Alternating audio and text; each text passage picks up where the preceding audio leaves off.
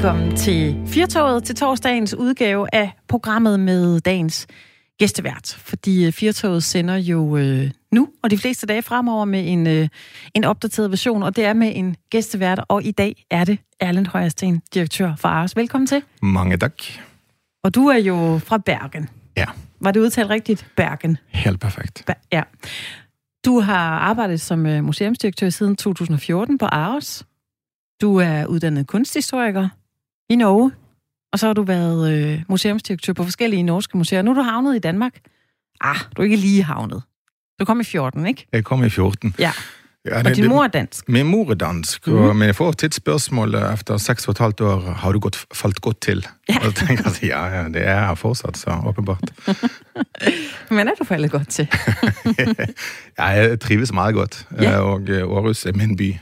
Og eh, det er sjovt, fordi at man, eh, eller jeg, begynner å føle meg mer og mer dansk. Eh, Nå er jeg halvt dansk i utgangspunktet, men, men det, er en, det er en interessant opplevelse. Prøv at forklare, hvordan det giver sig til udtryk. Nei, det handler om at eh, hvis jeg er ute og reiser og jeg kommer til Århus, så, det, så er det det som er hjemme. Det er klart at jeg savner min, mine foreldre, og jeg savner fjer- bjørn og, og det norske landskapet, men samtidig så, så trives jeg godt med, med det som min mor i sin tid, som for øvrig lytter med, hei mamma, eh, altså den store himmelen, Ja. og, og som, som også har vært en del av min barndom. Eh, men jeg, ja, jeg har det godt her. Det er godt. Ja. Fordi det ville være rigtig skidt, hvis du havde det dårligt. det ville ikke være så godt. Men øh, du er jo dagens øh, gæstevært her i Firtoget, og hvis man er gæstevært her, så er man jo med på lige fod som, øh, som mig. Så man byder jo bare ind med de kilder, vi skal tale med i dag, de mennesker, vi øh, har fået fat på til dagens historie. Det kan man jo øh, sige er et lille menukort. Vi skal igennem en snak om, man må stjæle en kampagne, bare fordi man er politiker.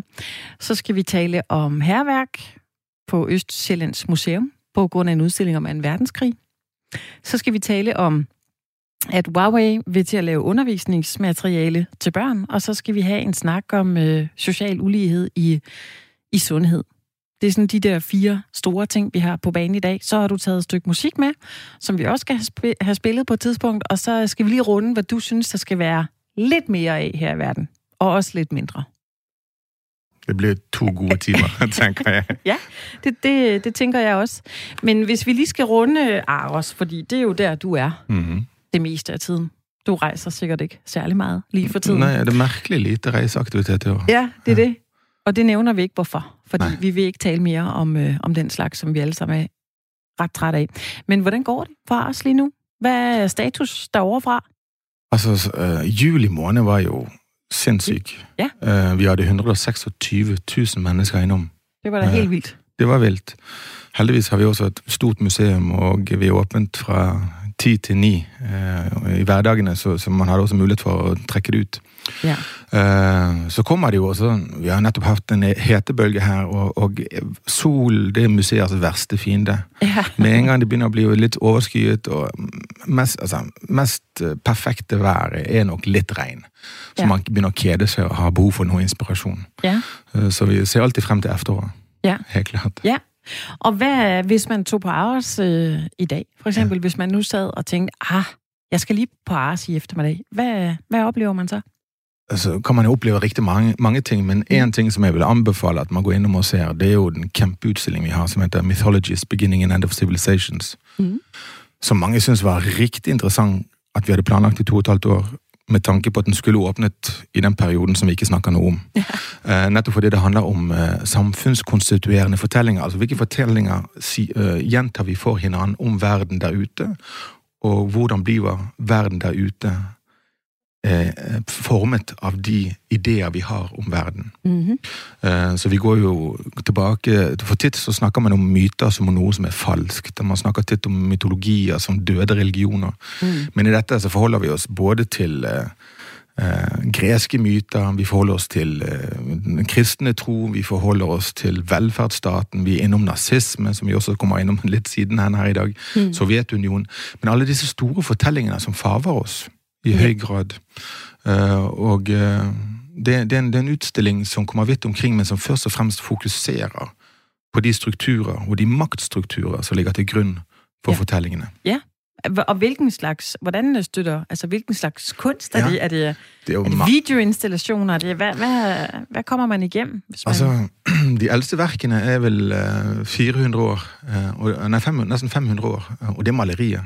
Det er skulpturer. Uh, vi har Torvaldsens uh, skulpturer der i marmor. Mm. Det er videoværk, som du er inne på, det er installasjon. Uh, og fotografier, så det, det, det er egentlig det hele. Eh, men det er også en udstilling som brer over 3000 kvadratmeter, mm. så, det, så det er rigeligt. Ja. Hvad er den, den største fortælling i Danmark i, i 2020? Eh, jeg troede ikke, vi skulle snakke om, om den, den store Hvis du skal vælge noget andet. Nej, men det som, det som er faktisk en ret stor og vigtig fortælling uh, å, å diskutere og snakke om, um, det er jo velfærdsstaten. Mm. Uh, hvis du ser på Norden, så snakker man titt om, om velferdsnorden, eller nordiske modellen. Og, og, velferdsstaten er på mange måter det nærmeste vi kommer en religion i våre dager. Mm. I den forstand at uh, det er noe vi tror på, det er noe vi byr inn i. Vi, vi, betaler ikke avlatt, men vi betaler skatt. Uh, vi tror nødvendigvis ikke på et paradis eller et liv etter døden, men vi tror på et liv efter arbeidstiden. Sånn, enten er det fyraften, eller så er det pensjonsalderen. Yeah. Så, sånn, så, så, man lever på en sånn måte at man, man, høster når det ene livet er over og det andre livet begynner. Yeah. Men så man, kan man også stille spørsmål i hvilken grad er velferdsstaten overlevelsesdyktig. Eh, og når man går inn og diskuterer velferdsstatens fremtid, så er det titt forbundet med riktig mange følelser. Mm. Som er akkurat på den samme måte som når man begynner å diskutere religion så er det mange følelser. For det, det er dette vi tror på, det er dette vi er blitt oppdratt i, det er dette vi har trodd på i 20-30-40 år osv. Og, så ja. og så begynner noen å si måske er det på tide med en ny religion. Ja. Det er godt. Tak for den lille update omkring Aros og øh, ud i kristendommen, og hvad tror vi på? Jeg tror, det bliver to øh, rigtig, rigtig gode timer. Hvis du er stået på her på Firtoget lige nu, så øh, kan jeg fortælle dig, at øh, dagens øh, gæstevært er Erlend Højersten, som er direktør på Aros. Hvis du har lyst til at ringe ind til os, så kan du gøre det. Nummeret det er 72 30 44 44. Du kan også sende en sms. Du skriver R4, og så beskeden, og den sender du til 1424.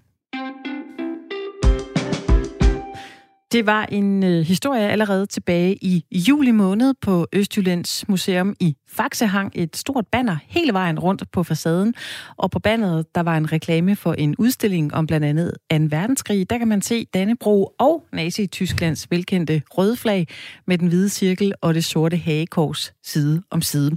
Det fik flere beboere i Faxe til at kritisere museet for at bruge den type symbol som markedsføring og for at øh, grine dem, som prøvede at forsvare Danmark som et barnebarn til en modstandsmand, sagde til DR dengang.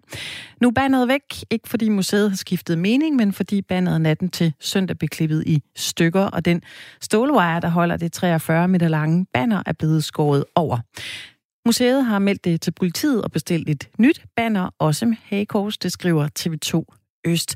Lidt tidligere i dag, der talte jeg med Søren Lacour, der er museumsinspektør ved Industrimuseet Frederiksværk og daglig leder af Knud Rasmussens Hus og også formand for ICOM Danmark.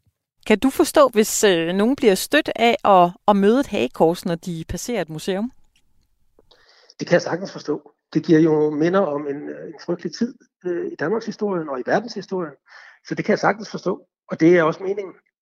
Hvilke historiske argumenter er der for at, at vise hagekorset frem her 75 år efter krigens afslutning?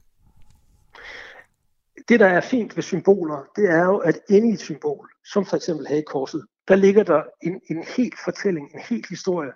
Og ved at bringe hagekorset frem, så ved folk intuitivt, hvad det er, der bliver talt om. Øh, så derfor er symbolerne utrolig stærke øh, og taler direkte ind i vores forståelse af, hvad det her det handler om. Så derfor er der et, et godt historisk argument for at vise hagekorset, fordi man dermed ved, hvad det er for en problemstilling, der er på spil. At vi skal huske historien for at lære af den, det er jo et uh, gammelt udtryk, der bliver gentaget ofte for tiden, når diskussionen om statuerydning og så videre har fyldt. Hvorfor er det nødvendigt at uh, huske historien med et enkelt symbol? Jamen det er jo netop af samme grund, at det her enkelte symbol jo ikke bare var det symbol, man havde på, nazisterne havde på deres arm, eller de flade med. Men at når man ser symbolet, så tænker man på alt det, der skete under nazitiden og under det regime, som bredte sig ud over øh, store dele af verden. Og derfor er øh, den historiske øh, konnotation med, den her, med det her symbol, den er så stor og så vigtig, at, det er, at, at symbolet i sig selv får så utrolig meget magt og fortællekraft. Og derfor er det også vigtigt, at vi på museerne bruger symbolet, fordi der ligger så meget i det. Men synes du, museer skal, skal kunne vise alt? Øh, nej, det, jeg synes ikke, de skal kunne vise alt. Men museer skal kunne vise meget, når det giver en mening at vise det. Hvis der er en, en overvejelse bag fra museets side, så skal man kunne vise det meste. Der er nogle øh, etiske grænser for, hvad man kan vise, øh, men, øh, men her er det, vi, synes jeg, på fuldstændig øh, legitim historisk grund, når det gælder at vise symboler med hagekors. Synes du, at vi er blevet øh, sådan lidt, lidt klynkende i forhold til, hvad vi nu synes, der er, øh, hvad skal vi sige, i går så en lidt ubehageligt at, øh, at kigge på, og derfor så synes vi, at vi har ret til at fjerne det? Ej, det ved jeg ikke, om vi er blevet klynkende, men, men jeg synes, at det er utrolig vigtigt, at vi alle sammen bliver mødt med noget, som vi ikke umiddelbart holder af eller bryder os om, og at vi bliver udfordret, øh, og at man øh, jeg vil ikke kalde det klynkende, men, men, men, men en respons på det skal jo være en refleksion. Så når man ser noget, man ikke bryder sig om, så må man reflektere over det. Jeg har set mange utrolig gode museumsudstillinger, hvor jeg ikke brød mig om det, jeg så, men jeg blev klogere og kunne tage noget med derfra.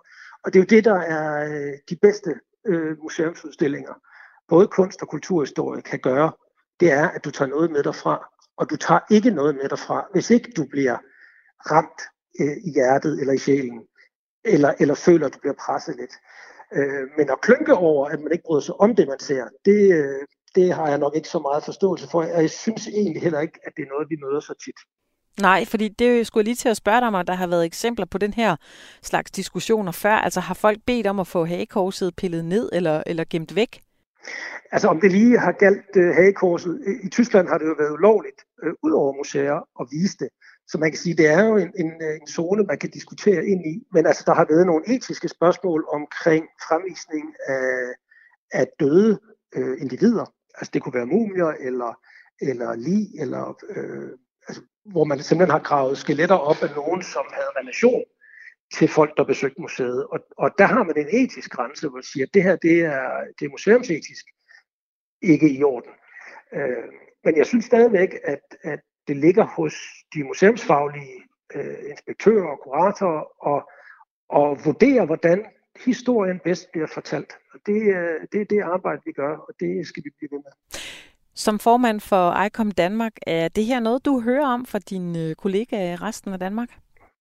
Jamen både i resten af Danmark, men så sandelig også i resten af verden. Øh, der, er, der er rigtig meget, øh, hvor, hvor holdninger mødes. Øh, Øh, og man kan sige, at der er måske en tendens til, at, at holdningerne, øh, skal man sige, hvis man siger, at de mødes og brydes, altså så man åbner sig op, og holdningerne kan forandre sig, så er det en god ting. Men hvis man bare møder med en holdning, der er modsat det, man ser, og man så ikke kan flytte sig, så hjælper det ikke meget. Og, og den tendens er måske blevet stærkere på det sidste, at man alle holder på sit, og så er der ingenting, der flytter sig.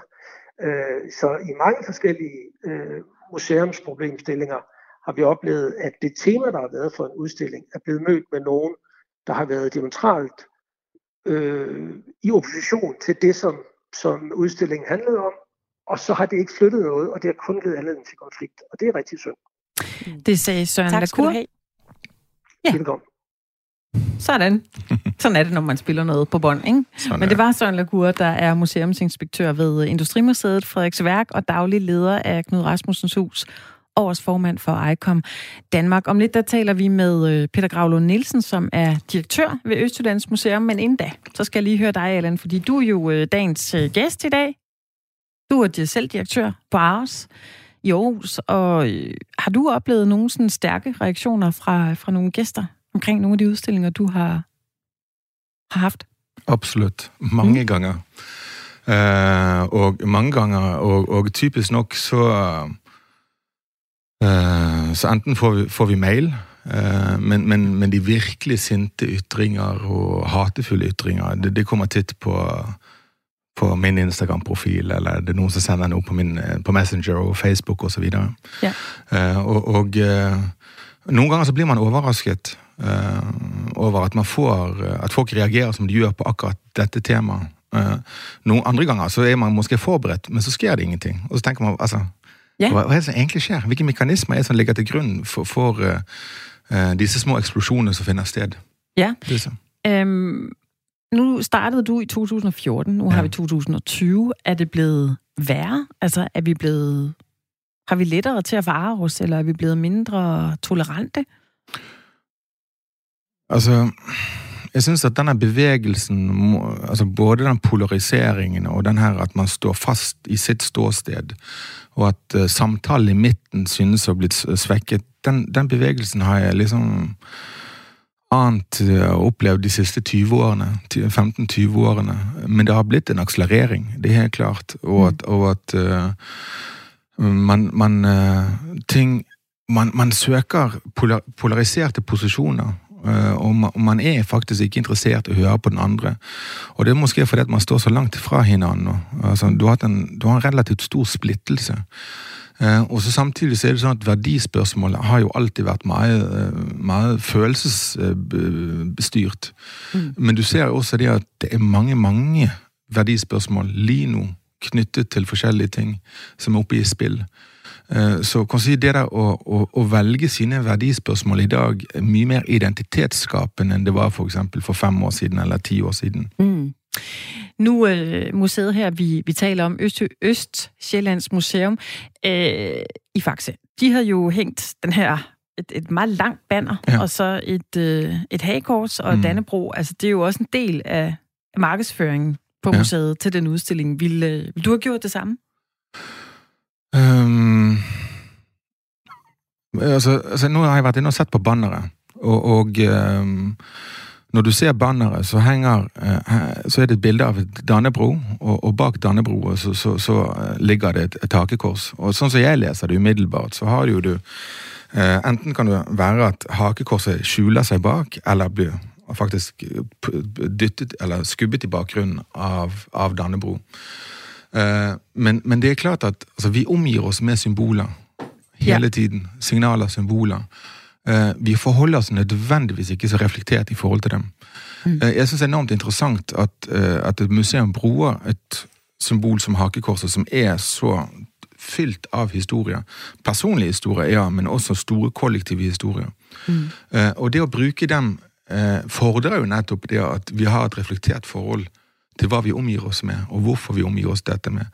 Men så samtidig så er det jo klart at akkurat som et museum, spesielt kunstmuseet, har en tendens til å vekke sterke følelser i, i mennesker, empati eller antipati, Ja. så er det klart at disse symbolene her også vekker noe i oss. Sant? Fordi Ja. vi er oppdratt til å reagere på dette her. Sant? Det er jo som når vi ser en edderkopp eller vi ser en slange, uansett om de er giftige eller ikke, Ja. så er det noe i ryggraden vår som, som, som reagerer. Ja.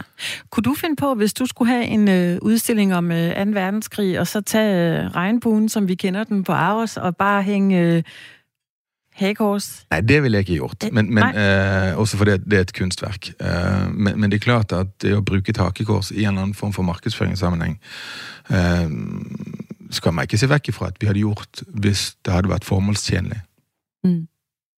Så du... Øh, jeg tænker, hvis det nu var dig, der havde det her museum, i Øst- Østsjællands Museum i Faxe, vil du så tænke, okay, vi tager det her, vi har den her la- aflange facade, vi, øh, vi tager det banner på med et hagekors, og så Dannebro. Ja, et, et, museums oppgave er jo å forholde seg til historien eh, på en reflektert måte, på en nyansert måte. Mm. Eh, Et museums oppgave er nødvendigvis ikke at moralisere, men det er også et, eh, dens oppgave er jo på mange måter løfte frem ulike briller som du kan velge å se på historien, men også din egen samtid på. Mm. Eh, Nå er jeg humanist, kunsthistoriker, men også humanist, og selv om noen filosofer og noen historikere vil si at man ikke kan lære noe av historien, så er jeg fortsatt overbevist om at historisk bevissthet, historisk forståelse er en forutsetning for at vi som menneskehet har mulighet for å bevege oss fremover Mm. til noe bedre. Ja. Og, og så, så, ja, så, så ja, så kan jeg si det, For meg så gir det god mening at man også vi snakker om det som er problematisk. Fordi at eh, vi lever også i en, en tid hvor det faktisk å ha eh, gode samtaler om tabubelagte emner Mm. det synes jeg var vekke. Og tabu behøver, ikke nødvendigvis være om nazisme eller rasisme.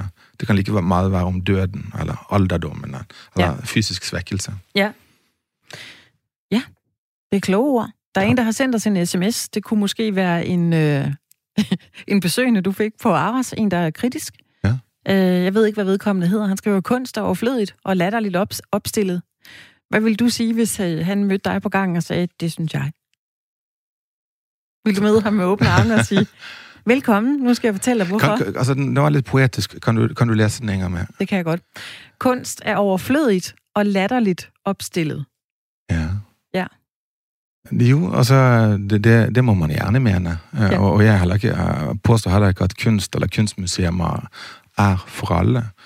Eh, Men samtidig, det å ta og si at noe er latterlig, eh, er jo litt følelsesstyrt og litt fordomsfull eh, holdning.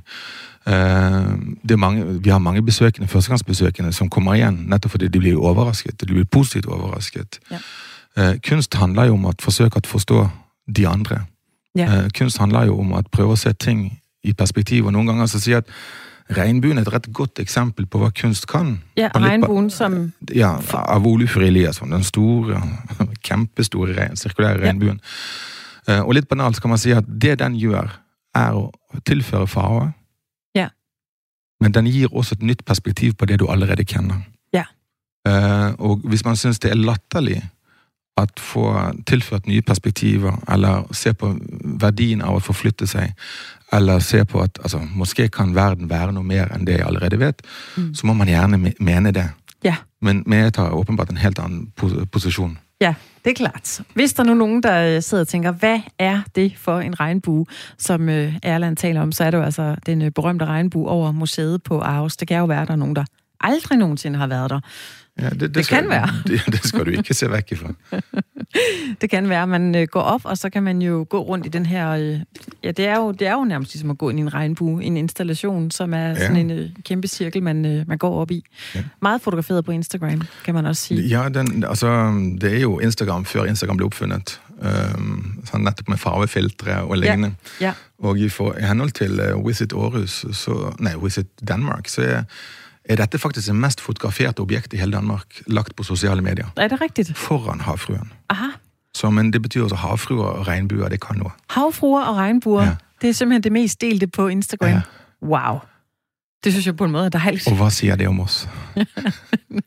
Vi er egentlig bare nogle børn, der bare gerne vil have det godt at spise is og kigge på regnbuer og havfruer. Men øh, der har jo været rigtig meget snak om det her med, hvad for noget kunst kan man vise, og der har været øh, flere eksempler på rundt omkring i verden, hvordan statuer er blevet væltet, og mm. der har været herværk på dem. Er du som, øh, som museumsdirektør sådan lidt ops på også nogle gange at lave, øh, gå lidt imod det her, provokere lidt, måske i fremtiden have nogle udstillinger, der kan skubbe lidt til den her problematik?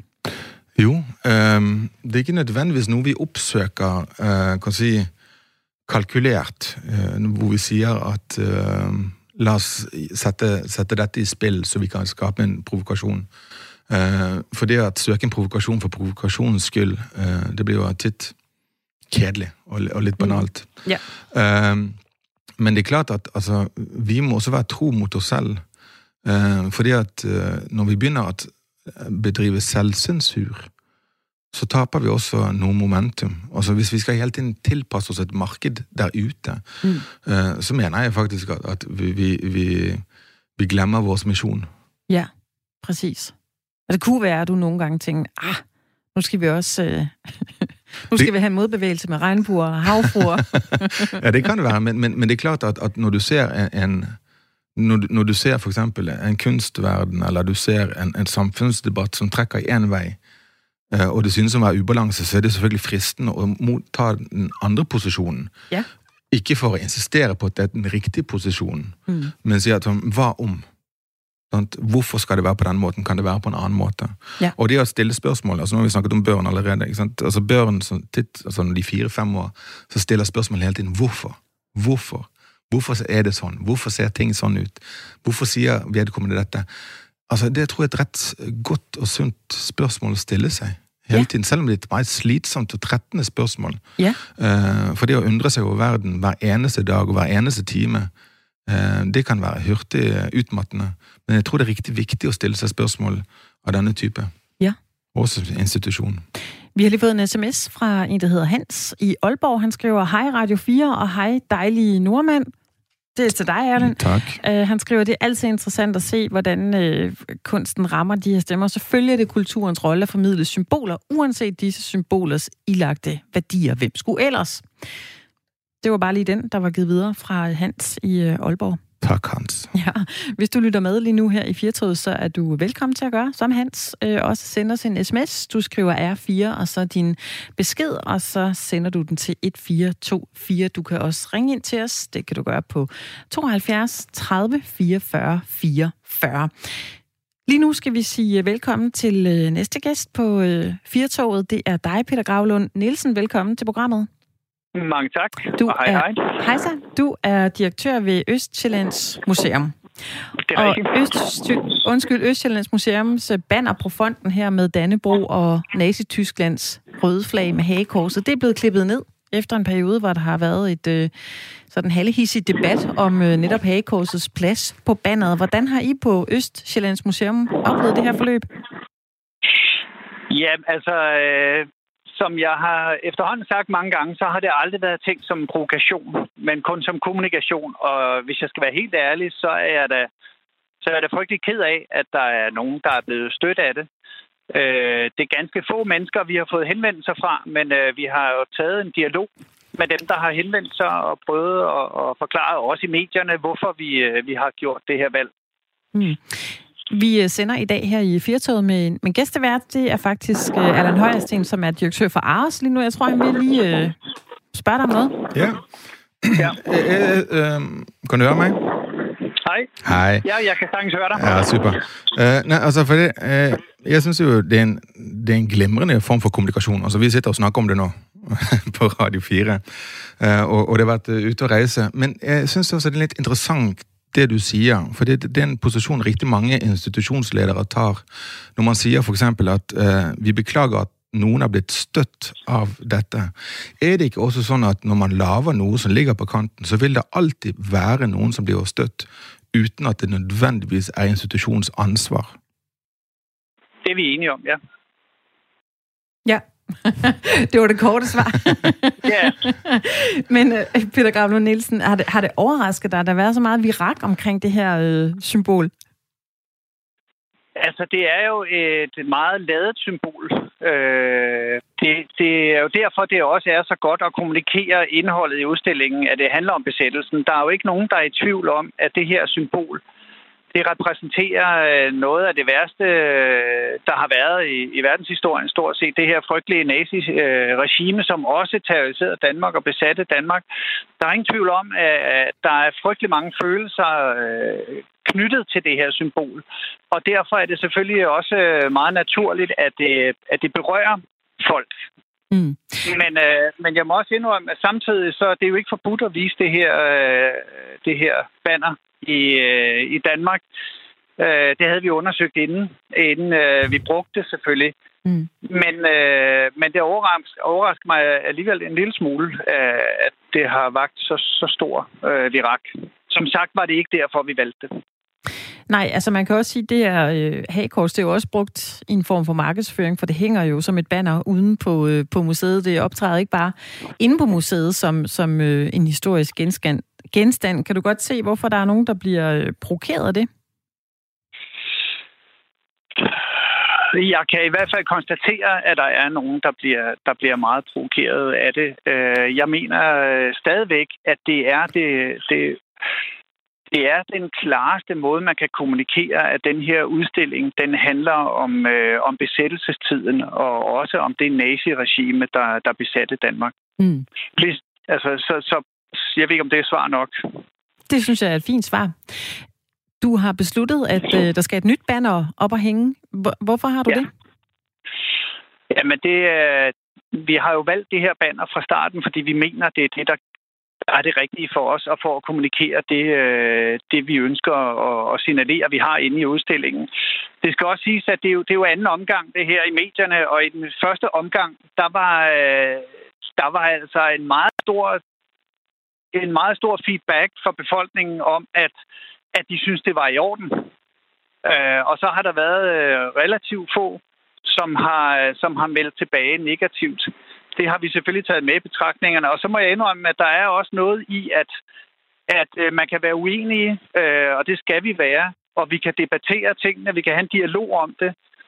Men i min verden og i den demokratiske samfund, der, der indgår herværk ikke i den debat som en acceptabel øh, form. Det er klart. Havde du selv nogle øh, betænkeligheder, inden at det her banner skulle op og hænge?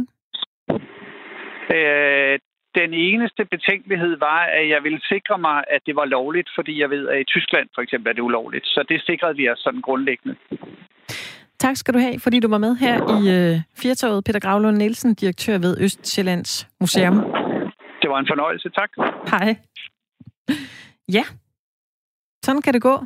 Der skal et nyt et op, og det kommer der forhåbentlig snart. Så ved man jo så ikke, hvor lang tid det kan blive, øh, blive hængende. Men det er jo så en af de ting, man som øh, museumsdirektør som dig, Allan, også skal ja. tage stilling til. Hvor, det, det er en fortløbende uventet udgift. det også ja, præcis. Ja, fordi, hele vejen. Ja, og det er jo, hvor, der, øh, hvor mange gange skal man ligesom have lavet et nyt. Man ved jo ikke, om det bliver pillet ned igen. Nej. Så øh, hvad, hvad er du enig med om?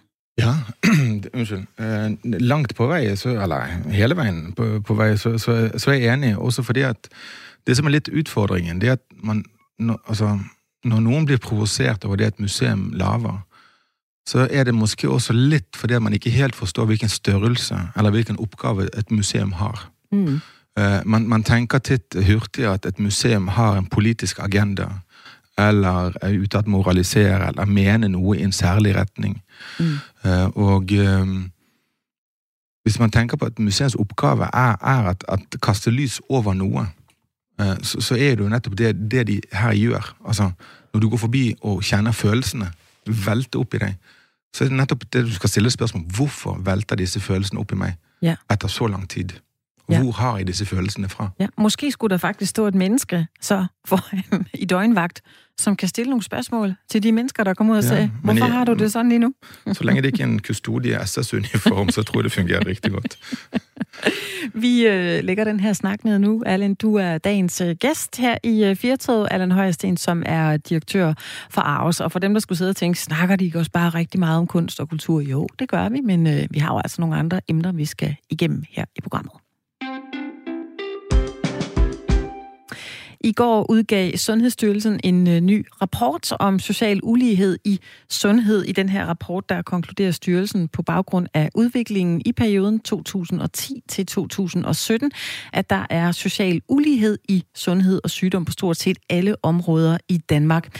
Uligheden viser sig konkret ved, at personer med kortere uddannelse ofte bliver mere syge og dør tidligere end personer med lang videregående uddannelse ifølge Sundhedsstyrelsens rapport. Af den her rapport fremgår det desuden, at øh, der bør sættes fokus på social ulighed i sundhed allerede tidligt i livet, da børns tidlige udvikling har betydning for, hvordan de helbredsmæssigt klarer sig resten af livet. Debatten om social ulighed og også dens betydning for vores sundhed synes at poppe op en gang imellem, og det drejer sig oftest om individet over for samfundet. Hvem, hvem bærer egentlig ansvaret for vores sundhed? Og uanset hvem der har ansvaret, hvordan får vi så brudt med det her mønster? Det skal vi tale med dig om, Morten Sudmann. Velkommen til programmet. Tak. Du er klinisk professor ved Klinisk Institut for Infektionsmedicin på SDU. Hvordan ser du på det enkelte individ over for samfundet, når det gælder social ulighed i øh, sundhed og sygdom? Der er en, en hvad skal man sige, politisk interesse i at gøre ulighed i sundhed til et problem, som den enkelte, enkelte skal løse. Så mange af de indsatser, man har haft indtil nu, har handlet om, at den enkelte skulle ændre sin adfærd. Kost og rygning og motion og sådan nogle ting er jo sådan nogen, der er bundet til den enkeltes adfærd ud fra den betragtning, at det er noget, man har valgt at gøre aktivt.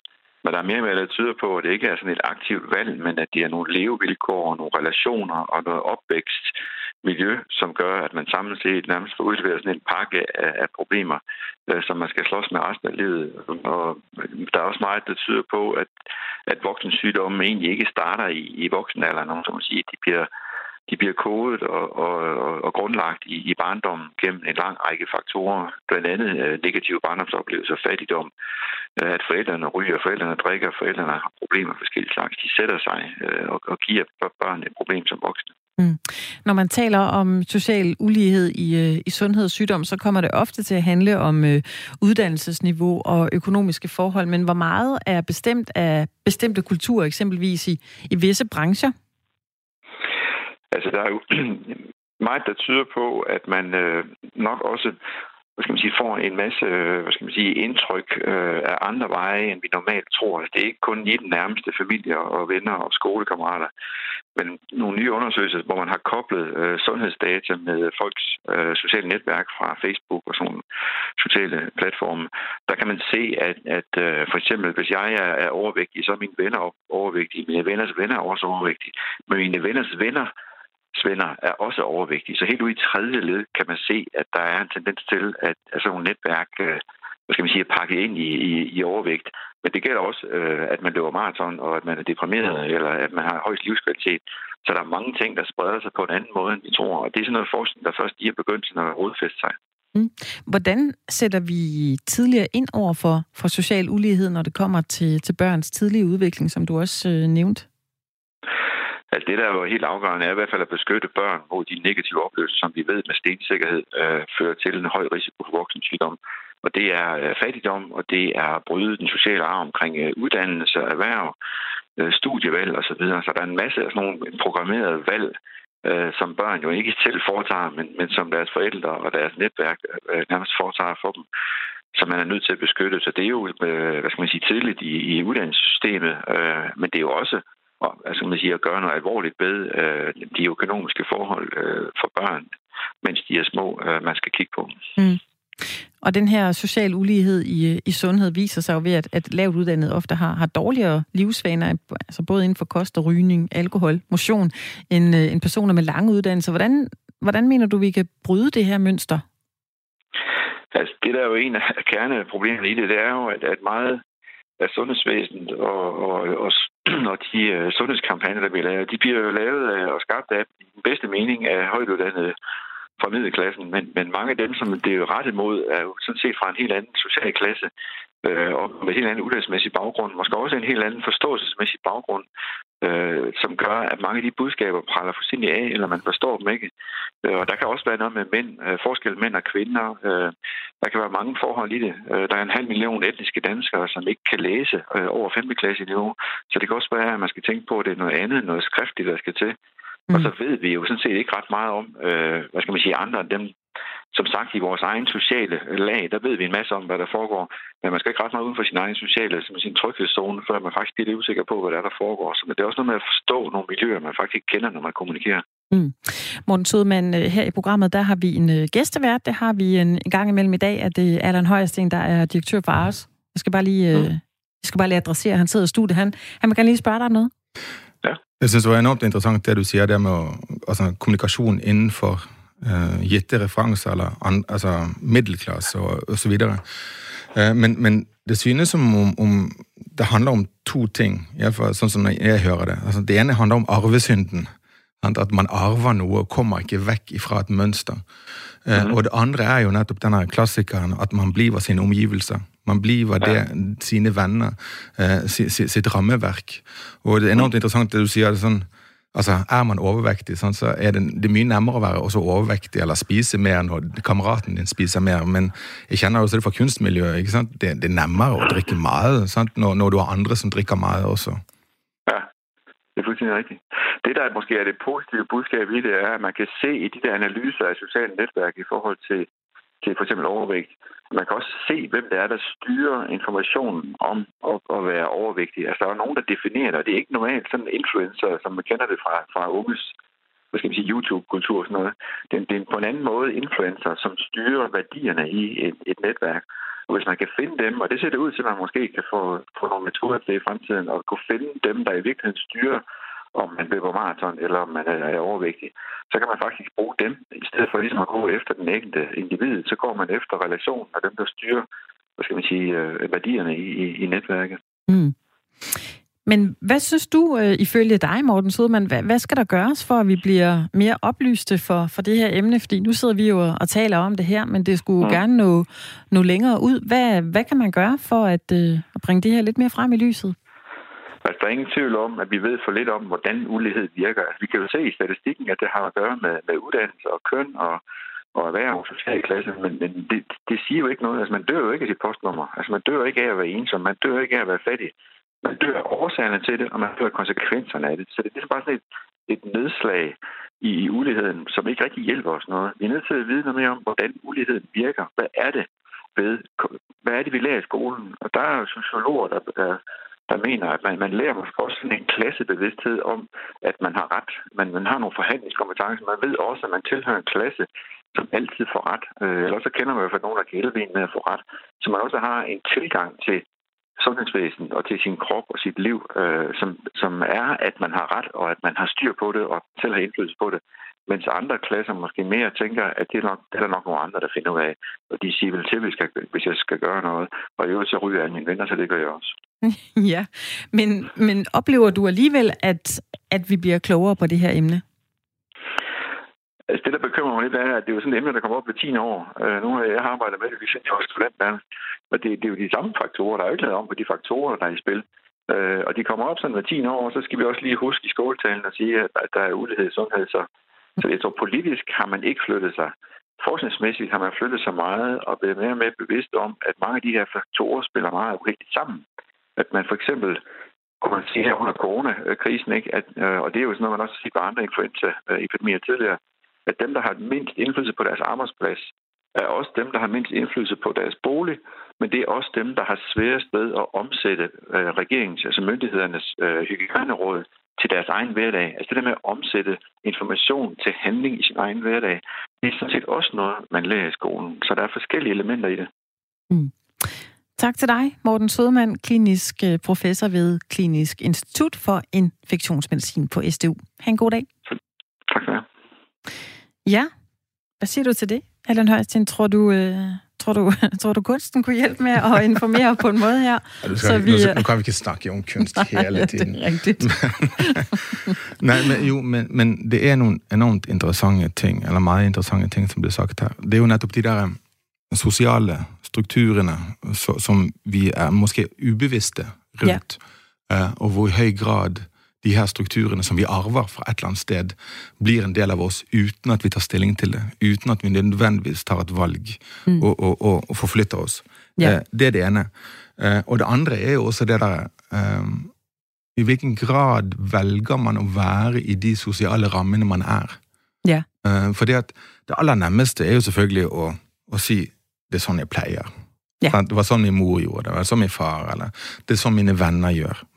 Det at være med og flyte med, det, det, det, krever ingen beslutning. Og vi vet også det, at sånn forskere sier at det å lage beslutninger, det er noe av det sværeste hjernen vet. Altså, yeah. Det krever så mange kalorier. Yeah. Så Derfor er vi komfortable. Sant? Derfor har vi de dype sofaene. Sant? Og derfor, derfor, med en gang vi ser noe vi ikke liker, eller hører noe vi ikke liker, så anstrenger vi oss ikke. Så, så, sånn er vi biologisk, tror jeg. Yeah. Så tilbake, det å utfordre seg selv, enten gjennom kunst eller litteratur, eller måske finne noen venner som tenker helt annerledes enn deg, mm. vil være godt. Eh, fordi at måske det å tenke litt over hvor jeg er i verden, og hvorfor jeg havnet her jeg er, det tror jeg vil være godt for alle. Yeah. Også fordi at eh, det er klart, eh, nå snakker man om spising, man snakker om rying, man snakker om drikking. Det er også, kan si, man vil jo også være en del av et fællesskab. Ja. Vi sulter efter fællesskab og store fællesskaber. Men det kan, kan du ikke også, hvis man så er i det forkerte fællesskab, mm. altså mhm. der er jo en gruppedynamik, mm. altså der kan det også være svært ja. at, øh, at vælge noget andet, hvis man er vokset op i den gruppe, og så følges man ligesom ad. Uh, jo, det er men også... det er helt klart. Samtidig så har man også, jeg tror også mennesker har en fri vilje.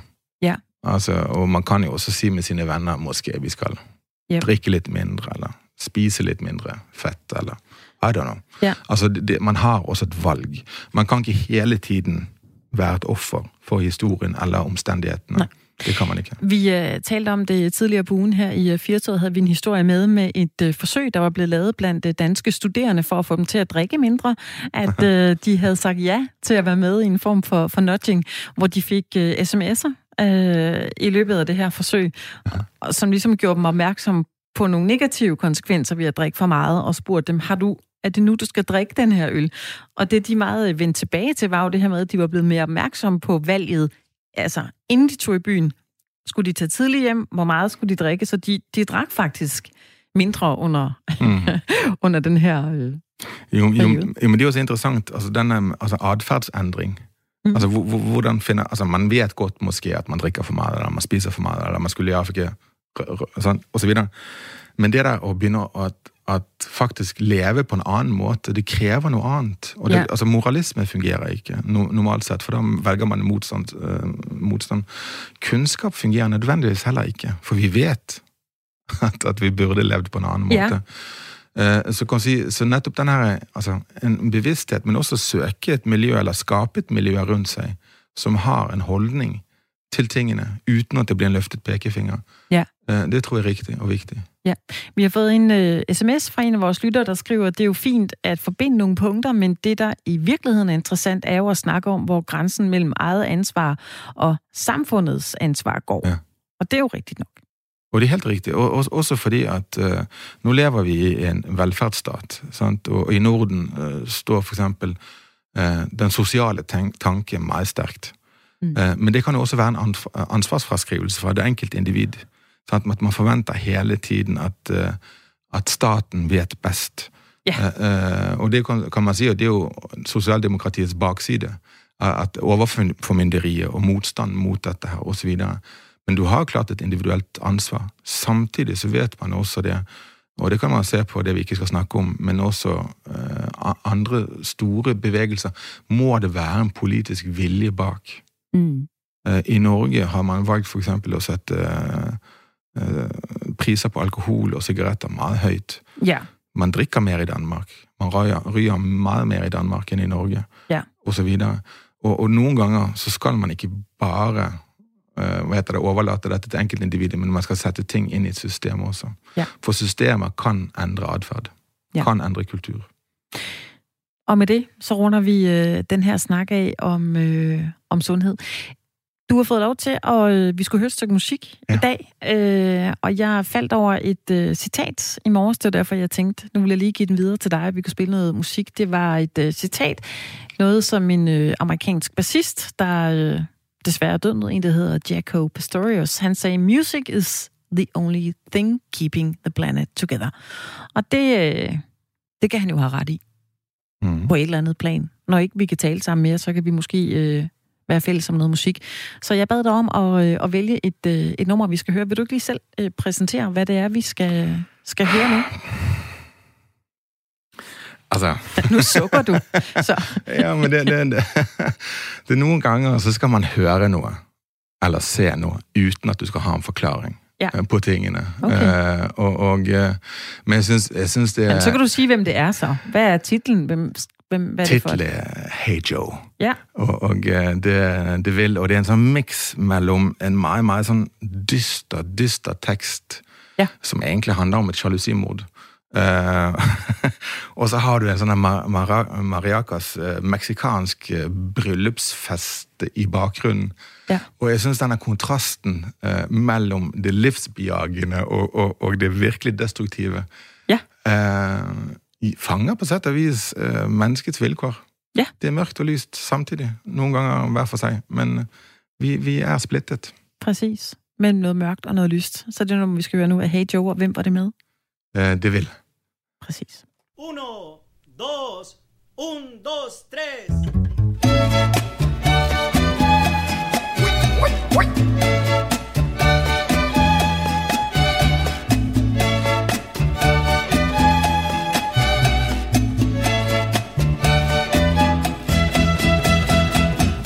Hey Joe, where you going with that money in your hand? I say, Hey Joe, where you going with that money in your hand? Well, I'm gonna see my woman. You know, I heard she done messed around with some other man. I heard she did. You know, I'm going downtown. I'm gonna buy me a blue steel 44. You know, I'm going downtown. And I'm gonna buy me a blue steel 44. I'm gonna catch up with that girl. She won't be messing around on me no more.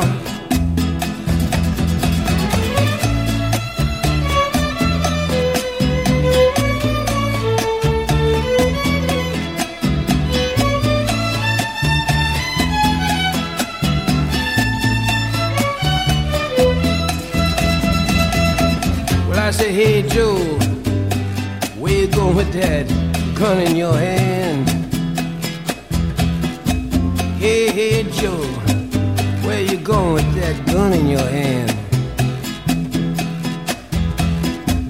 I'm gonna shoot my woman. I found her messing around with some other man. Hey Joe, I heard you shot your old lady down. Hey Joe, you know I heard that you shot your old lady down. Yes, I did. Cause I caught her messing around, messing around, messing around town. Well, alright.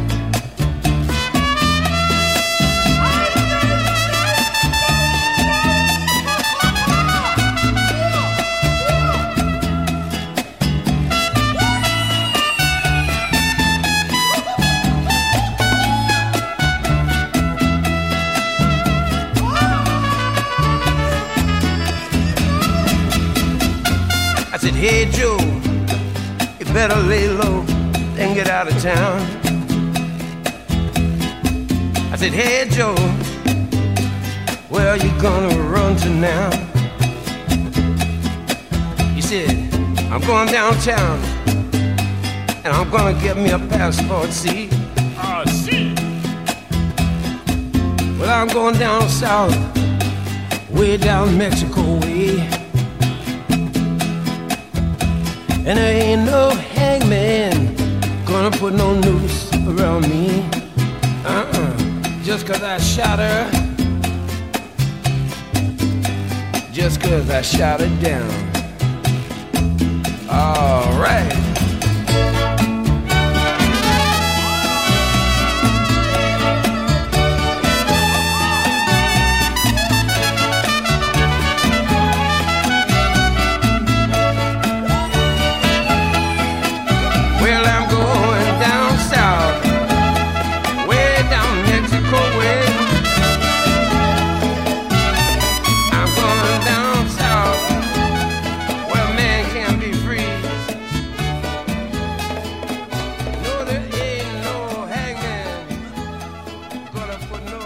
Her var nummeret Hey Joe. Og nu kan jeg ikke huske, hvem det var med. Willie DeWill. Ja, det var sådan, det var. Det var dig, Allan Højsten, som øh, havde valgt det her nummer. Du er dagens gæstevært i øh, Firtoget i begge timer. Vi øh, er tilbage jo her efter nyhederne om lidt, hvor vi skal have nogle andre emner på bordet. Vi skal blandt andet snakke om øh, Huawei, der vil til at lave øh, videoer til børn, hvor de vil undervise dem i noget børnevenligt. Så skal vi tale om øh, det her med, at Dansk Folkeparti måske har lånt lidt fra en kampagne fra Socialdemokratiet, om man egentlig må det. Vi skal til at tale om det her med, om man må, om man må stjæle, og hvad der er godt ved det, måske. Der er jo mange kunstnere, tænker jeg, der stjæler for hinanden i tide og utide. Ja. Du øh, sagde, der var noget, du lige ville runde timen af med. Du fik en sms. Ja, jeg fik en sms. Det var fordi, vi øh, talte om øh, den her social ulighed, der er omkring sundhed. Vi øh, talte om den her øh, rapport, som øh, Sundhedsstyrelsen har lavet omkring social ulighed i øh, Sundhedsstyrelsen. Så fik vi en, øh, ikke i Sundhedsstyrelsen, social ulighed i sundhed og sygdom, det var det, jeg vil sige. Vi fik en sms fra, en sms fra Benny, der siger, hører man lige middelklassen fortælle underklassen, at den skal tage sig sammen. Da Det er for Benny. Ja, det er for Benny. Og da Ja. tenker jeg sånn, nei, Svaret er jo nei. Det er jo ikke det vi sier. Samtidig så er det litt interessant at han bruker ordet underklasse. Det er ingen som snakker om underklasse eh, egentlig. Eh, Måske burde man gjøre det, I don't know. men samtidig er det rett stigmatiserende. Men vi vender jo egentlig tilbage til det problem, vi vendte i Ja. det, at når man vælger positioner, så- og tænker, at positionerne står i opposition til hinanden, Ja. så sker der ingen bevægelse. Og, og, og, øh, og det er det, problemet er. Mm. Vi skal til at tænke lidt mere i den retning, som du også nævnte, det der bliver delt mest på de sociale medier, er billeder af regnbuen på Aarhus og havfruer. Vi skal have noget mere øh, peace, love and harmony øh, ind over, måske vi kan bruge. Vi er tilbage efter nyhederne her på øh, Radio 4 med mig, Anne Mette Furman, og stadig med dagens gæstevært, Erland Højersten, der er direktør på Aros. Som sagt, så får du mere fra Firtoget frem til kl. 17.